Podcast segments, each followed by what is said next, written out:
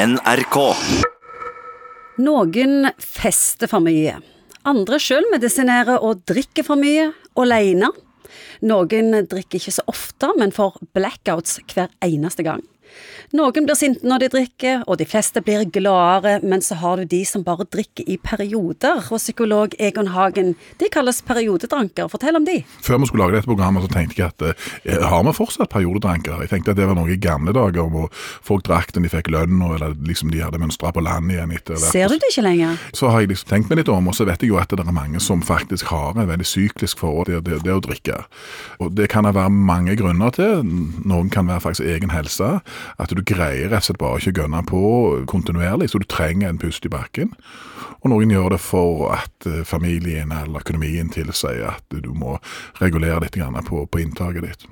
Det må være andre prosesser som er på. Er jo, dette er jo kompliserte ting, men det vi vet er at eh, hvis du f.eks. ser på folk som har en avhengighet av alkohol, og så ser du på i en gitt måned, tilfeldig valgt måned, så vil du se at eh, halvparten av disse faktisk ikke drikker i den måneden. Så det ser ut som det er på en måte et, et syklisk mønster, som sikkert er styrt av, av litt det vi snakket om, sosiale ting og økonomiske ting, men så er det noen òg som har en evne til å si, styre impulser så langt. Det er litt, litt sånn som de er en ballong, kan du si. Og de greier det, og de greier det, og de greier det, og så, eh, og så på en måte må de slippe ut litt steam, og da er det noen som da bruker alkohol for å gjøre det, faktisk. Og da må det ikke være lett å leve med en periodedranker. Nei, kan du tro.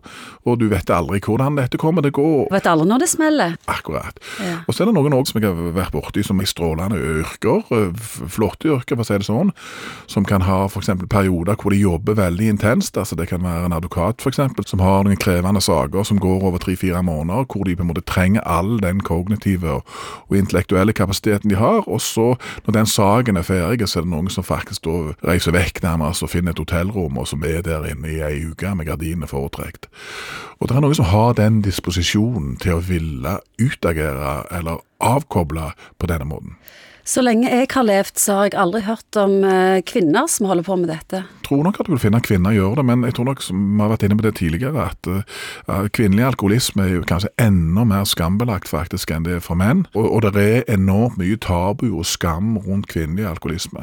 Men jeg vil tippe at etter hvert som noe av disse kjønnsforskjellene på alkoholkonsumet er i ferd med å, å endre seg, så vil vi se ganske mye av det samme mønsteret hos kvinner. Hvordan kan en periodedranker unngå å være det?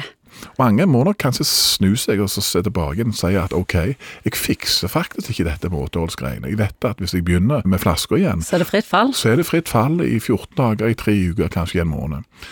Du må ta det inn over deg at du har hva de kaller en alkoholisme, en sykdom med deg hele livet, og du må være klar over at det skal ekstremt lite til for du vekker det dyret igjen. Og Så har vi òg det elementet som er knytta til arv. altså Hvis du har en far for eksempel, som er alkoholiker, så er det veldig stor sannsynlighet, eller det er en økt sannsynlighet for at, at sønner kan få um, tilsvarende problemer. Og så ser det ut som det er en kjønnslinje òg i forhold til mor. Hvis mor har drukket mye, så er det, er det en større sannsynlighet for at uh, kvinner kan få dette. Og så er det jo viktig å være klar over at 80% av de som da har hatt alkoholiserte foreldre, de lever et helt utmerket liv og, og, og greier å finne en balanse på dette sjøl. Så selv om det er en arvelig sårbarhet, så har vi allikevel anledning til å velge fritt i forhold til det livet som, vi- ender opp med. NRK.